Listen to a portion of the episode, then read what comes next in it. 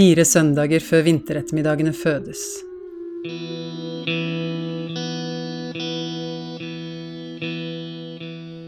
Og røde kirkeklokker passerte gjennom glassfotografier som luktet skyer. Fra spøkelsets mørke i stillheten til barnet som sitter på lårene mine. Fra de tykke rammene av valnøttrær da jeg gikk sakte med en mann og klemte ham i den hellige freden ved sex. Åh, de sidene. Åh, de sidene. Åh, navnet ditt er ikke på disse sidene.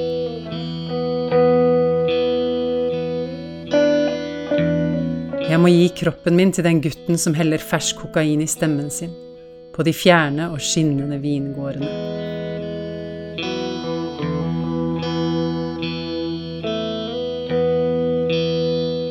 I stedet for mitt eget navn bør jeg skrive om en kvinne som blir todelt om natten. Den ene halvdelen er som et legeme ødelagt av orgasmen, som har fått røkelsesduft og tilbedelsessang servert, i de store rumpene til unge damer.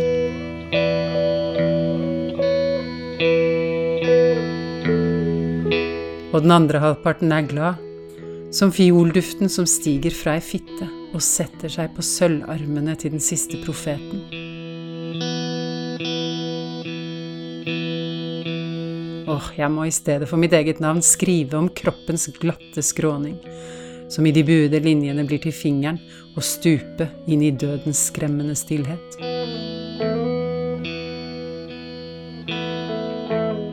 Åh, jeg må i stedet for mitt eget navn følge den tynne, blodige, våte hinnen som barnebarna mine kommer til å hviske om.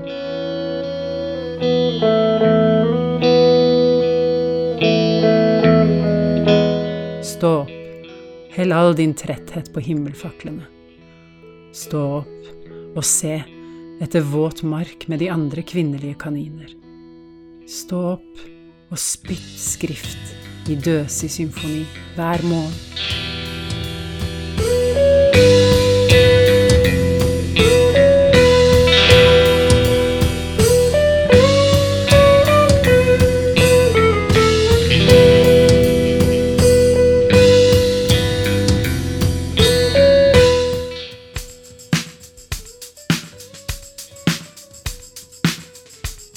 Hina Zaidi, tusen hjertelig at du kunne komme, selv om du er veldig opptatt og har mye å gjøre. Fortell hva du har vært opptatt med i det siste. Ja, i det siste eh, Jo, jeg er jo skuespiller, så det er jo mange av mine forestillinger som har blitt eh, avlyst. Eh, men det vi har konsentrert oss mye om i det siste, er boksinga. For jeg driver med boksing, Stovner bokseklubb. Og eh, det korona har eh, gjort, er at eh, vi ikke har noe sted å, å bokse lenger.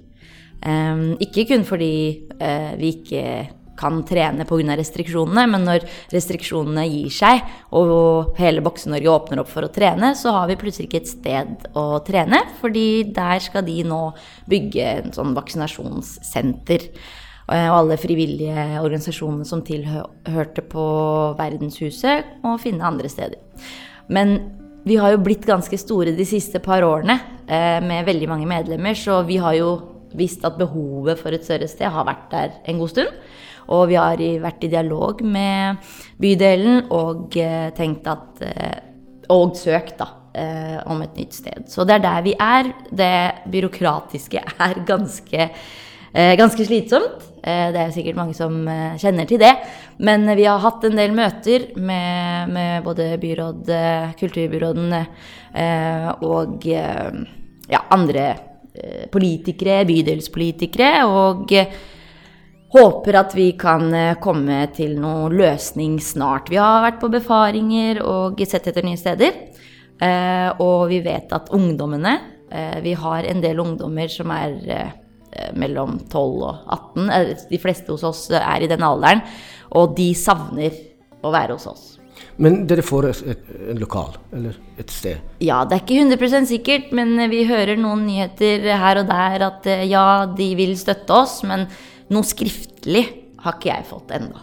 Så når jeg ser noe skriftlig, da kan jeg senke skuldrene og, og roe meg ned på det. Men det er en kamp, det er det. Du, Hina. Du er en pakistansk jente som bukser og har bikkja. Nå skal jeg fortelle om hvordan var det gamle dager. Eh, Jeg kjenner en pakistansk gutt. Eh, Faktisk mann og pappa nå. Gummi. Du kjenner jo han sikkert.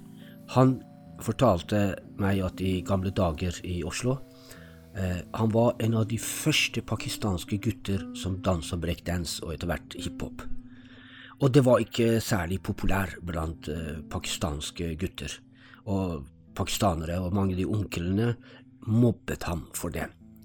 Så en gang han skulle få pris for dansen sin, og når han gikk opp for å få prisen, ser han eh, at mange av de onklene som var kritiske og skeptiske til han og dansen hans, så sitter de på første rad og klapper.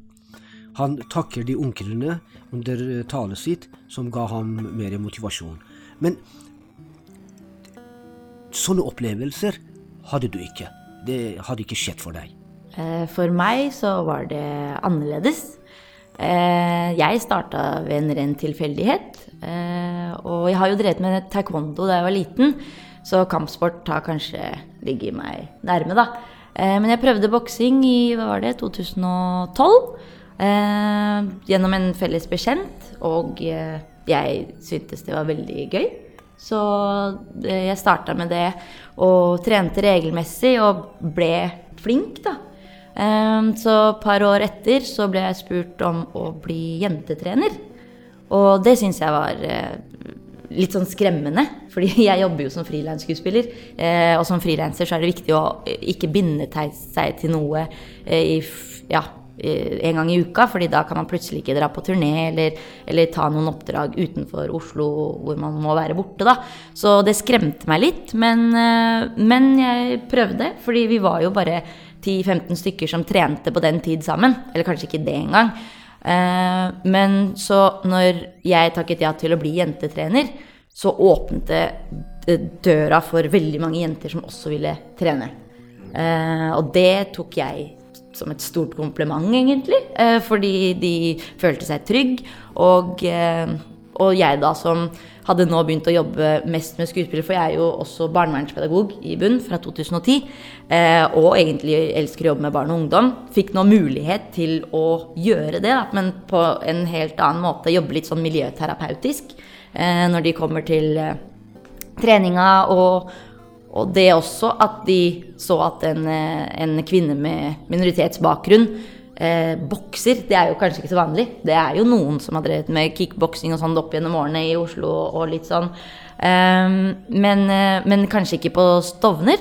Eh, og eh, da tenkte jeg at det var fint å være den voksne som de kan kanskje se opp til, da. Vi har jo norske damer som er i verdensklasse. Absolutt. Det er jo Cecilia Brekkhus.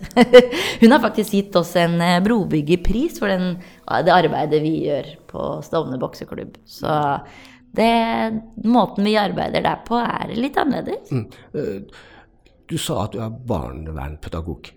Eh, fortell om det. Ja. Nei, jeg eh, Hva skal man si?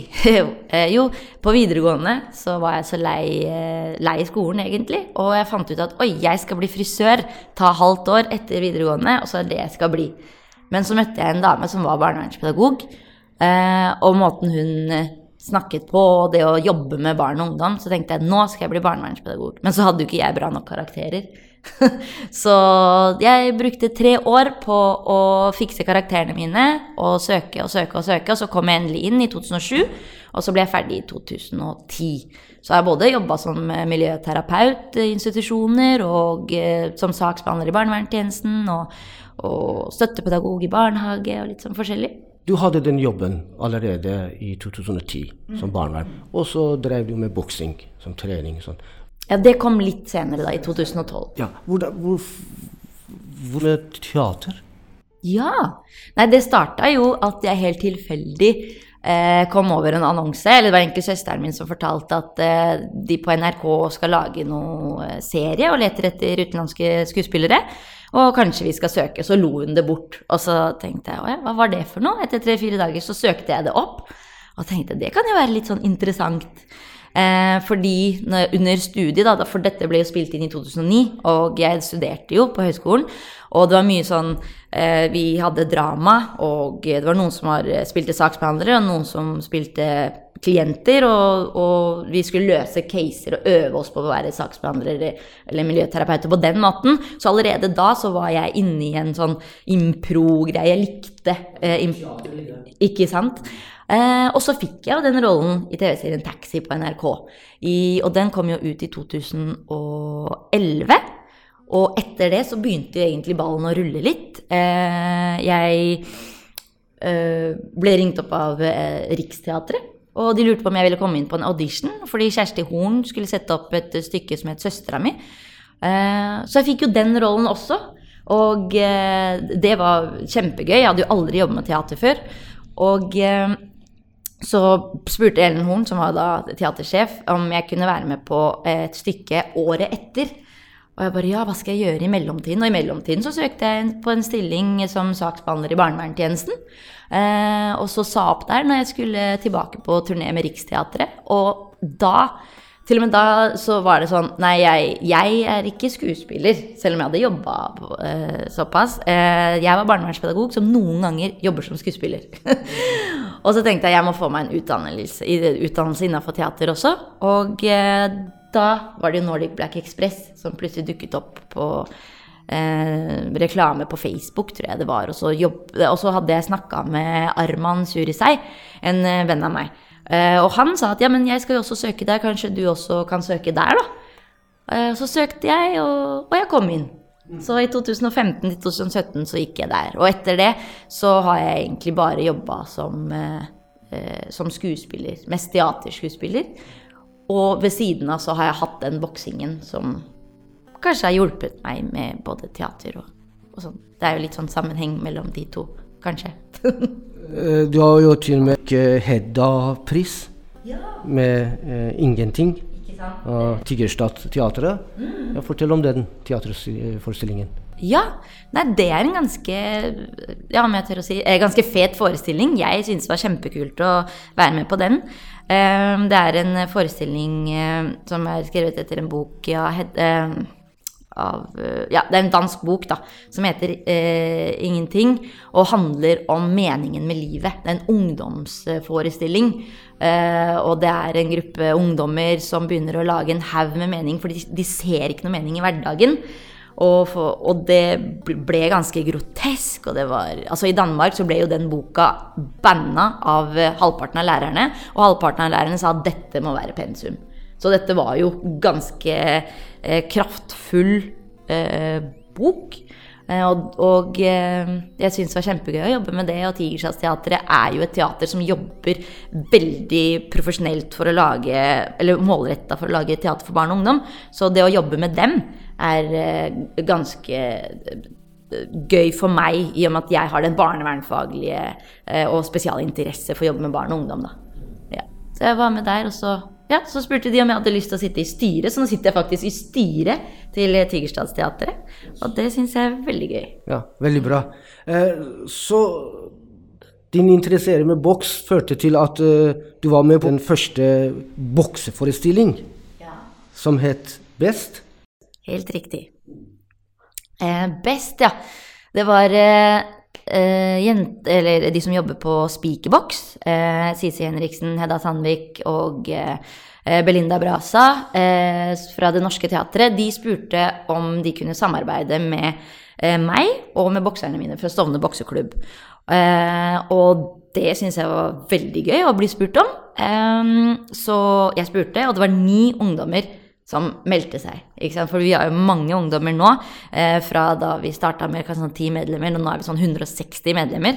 Eh, mm, så det var ni ungdommer som meldte seg på dette prosjektet, og jeg jo også eh, driver også med slampoesi og gir skrivekurs til ungdom.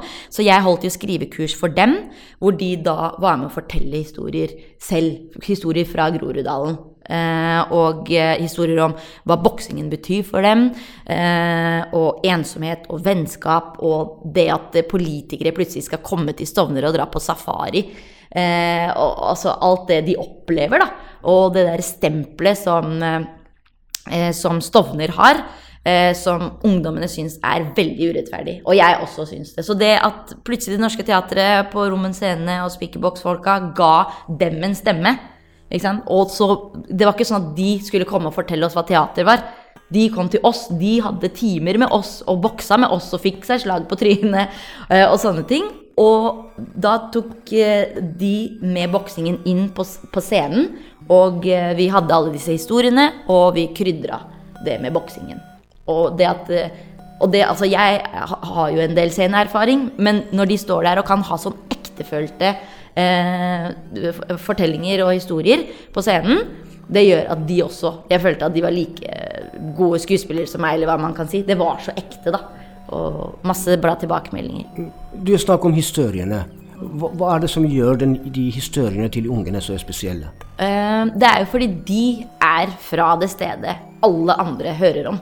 Ikke sant? I media så er det jo bare negativt. Altså fra østkanten. Fra, østkanten, fra Grudalen, fra, fra Stovner. Ikke sant. Fra Stovner, fra Groruddalen. De bor der, de opplever hverdagen. Og det at de skal hele tiden bli rakka ned på som en stor gruppe. At ungdommene er så rebelske, eller ungdommene ditt, ungdommene datt, og utlendinger ditt og utlendinger Altså, de er mennesker. Alle er mennesker. Og det er individer, det er familier det er snakk om. Det er Man kan ikke snakke om dem som én spesifikk gruppe. Det går jo ikke alle har sine historier. Det gjelder jo ikke bare dem, det gjelder jo hele verden, egentlig. Det gjelder jo sikkert mange forskjellige historier på eh, Frognerby. Altså, ikke sant? Norske har jo også altså, Alle er forskjellige, det er det jeg prøver å si. Mm.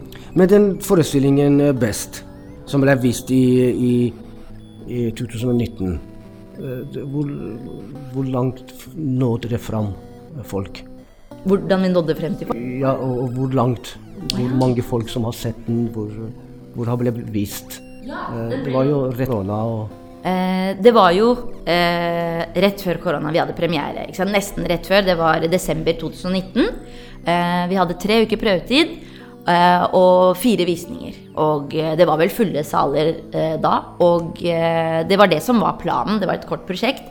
Men så i januar-februar så ble det eh, etterspørsel om at kanskje vi skal spille mer på skoler. Og det ville jo Det Norske Teatret. Eh, og vi spilte for to skoler. Og planen var å spille på Hedda-prisutdelingen. Eh, og på Bjørvika eh, Deichman, åpningen der. Og så korte snutter, da. Og vi hadde mange planer. Eh, men så kom korona og bare ja, stakk kjepper i hjulene på den forestillingen. Og det var kjempesynd, fordi ungdommene, den mestringsfølelsen de satt igjen med da, eh, er jo helt ubeskrivelig. ikke sant? Og, eh, og det var kjempesynd at eh, noe som var på vei opp til å bare nå til sitt potensial. Jeg vet ikke hvor stort potensial de hadde. Fordi tidligere så har jo Speakerbox lagd andre forestillinger. Blokk til blokk har jo Den jo, gikk jo flere år og er kjempeheftig eh, forestilling, så de er jo kjempeflinke til å lage forestillinger. og og skulle ønske gjerne flere hadde sett. Mm. Men uh, altså, du har sagt at den, den, den, forestillingen, den beste, er på en måte ditt liv i nøtteskall. Mm. Og du håper at etter koronatid så kan de spille. Mer og ja. ja. som du sier, da. Eller som jeg sier. Eh, best er jo livet mitt i et nøtteskall. Eh, og grunnen til at jeg sier det, er jo fordi eh, ja, jeg driver med boksing. Eh, det var en slam-forestilling, egentlig, og jeg er jo slam-poet. Og så er det jo eh, miljøterapeutisk tilnærming i forhold til at jeg jobber sånn med barna eh, og ungdommene. Det er jo mest ungdommer jeg sier barn hele tiden, for jeg føler at de er barna mine. Ja, også at jeg er skuespiller. Så det hva hele livet mitt er i den eh, Alle aspektene ved mitt liv er i den forestillingen. Så det er, det er veldig gøy. Veldig fint. Så jeg håper jo virkelig at eh, Jeg vet at Det Norske Teatret prøver på det. Eh, å sette opp den forestillingen. Så jeg håper de får det til, og at vi får det til. Mm. bruker du noe av de der kunnskapene du har lært om å være barnepedagog, teater, boksing, i den, den miljøarbeider som du er? Ja. Eh, på, på, treninga? Eh, absolutt. Det, det, tror jeg at jeg gjør. For jeg har jo den barnevernfaglige bakgrunnen. Jeg har et genuint, eh, genuin interesse for å eh, være en signifikant voksen for eh, barn og ungdom. Fordi jeg veit at kanskje ikke alle kan snakke eh, med sine foreldre på, om disse eh, ungdomsproblematikken, ikke ungdomsproblemer og alt sånne issues man har. Og at man kan liksom være en annen voksen i deres liv. Eh, så det har jeg også eh, lyst til å være. Jeg tar jo også kanskje med meg eh, teaterbakgrunnen min inn i dette. Eh, det å liksom ja, Man kan jo trekke paralleller ved å f.eks. terpe på replikker. Kan jo kanskje være at man eh, terper på noen kombinasjoner. Det å være like fokusert som man må være på en teaterscene. Så fokusert må man være i ringen.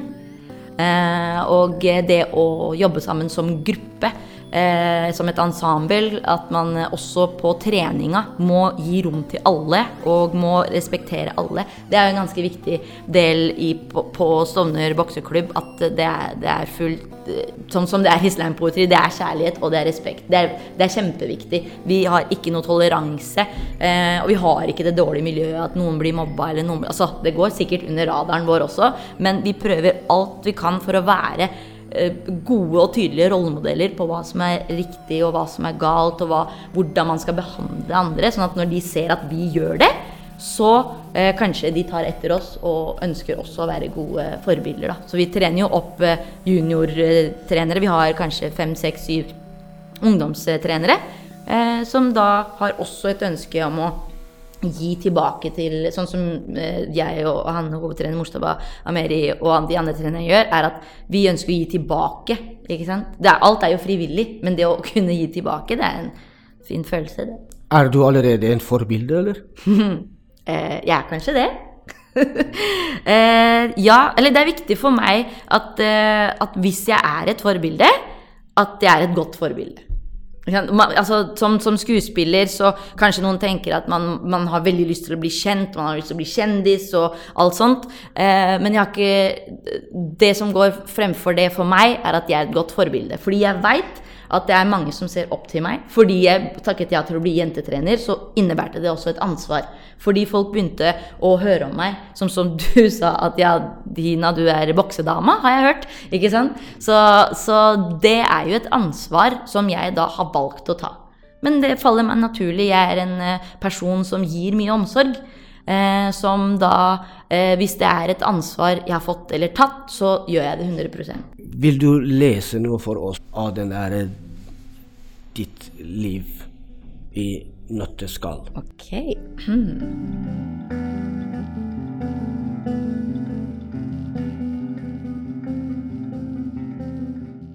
Jeg begynte å bokse fordi jeg hadde et tomrom inni meg som jeg trengte å fylle. Helt siden jeg var liten, var moren min syk. Hun var ikke sånn vanlig syk, hun var psykisk syk. Jeg kjente ingen andre som var som henne, så jeg snakket aldri om henne til noen.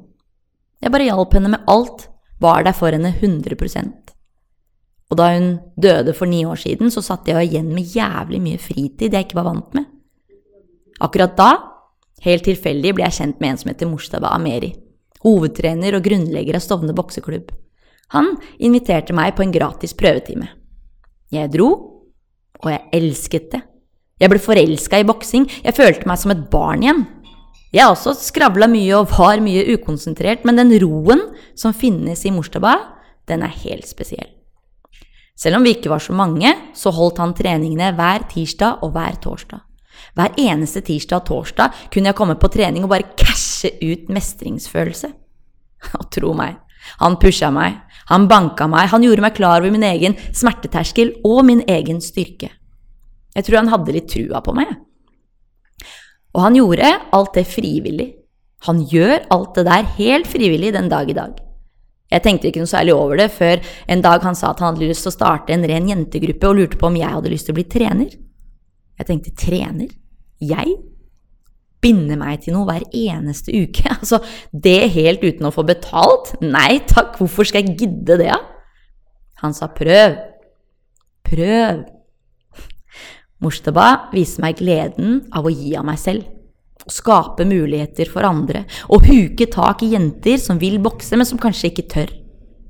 Og hva fikk jeg?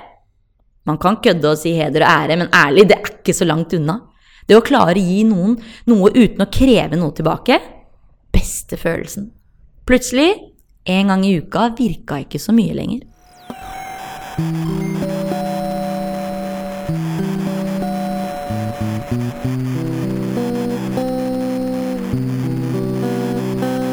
Hva skulle du gjøre, Hina, i dag hvis det ikke har vært eh, koronatid? Ja, Hvis det ikke hadde vært korona, så skulle jo jeg vært på turné, faktisk. Eh, DKS-forestillinger i Viken fylke. Og det var tre uker med turné som ble avlyst. Med forestillingen 'Asfaltpuls paranoia som faen i solnedgang'. Det er en, eh, det er en ungdomsforestilling eh, med Mine Nila Jalcin på regi, som eh, vi hadde premiere på i 2018. Og det er en ungdomsforestilling som da eh, er en 20 minutters ganske eksplosiv eh, gateteaterforestilling som vi har turnert med allerede i Oslo flere ganger. Eh, og som handler om ja, Det er jo også en stemme fra, fra østkanten, fra Groruddalen, og, og det politiske rundt, eh, rundt eh, ungdommer, og, og, det at de også blir stempla som dritt, egentlig. Det var jo det som var tanken til eh, Mine når hun da lagde den forestillingen. Tekstene er jo skrevet av Malmfrid Hallum. Uh, men hun har klippet og limt dem sammen til noe så helt fantastisk. Og vi har uh, hatt forestillinger her på Grønland, Nevatlandsbrua, uh, i skateparken og turnert hele Groruddalen. og ungdommene, de, det er så fascinerende å se hvor oppslukt de blir Eh, i løpet av de 20 minuttene, og hva slags reaksjoner de har i etterkant. Og at de har skikkelig lyst til å snakke med oss og føler seg truffet. Eh, og at vi da er tilgjengelig i etterkant, det er også veldig gøy, da. Så vi skulle jo gjøre det nå i DKS-turneen eh, her. At det var forestilling på 20 minutter og satt av én time med samtaler. Og ikke sant? Sånn for meg, jeg som jobber med barn og ungdom, syns jo det er helt fantastisk å kunne gjøre, selv om jeg da jobber med noe som er så gøy som skuespill og teater. ikke sant? At det, det viktige, det gjør det så uh, gøy og genuint. Så det var det jeg skulle gjøre i dag, faktisk. Men nå har du fri? Ja, i dag har jeg fri. så nå er hele uh, verden foran meg. Eller hva man skal si. Jeg vet ikke hva man sier.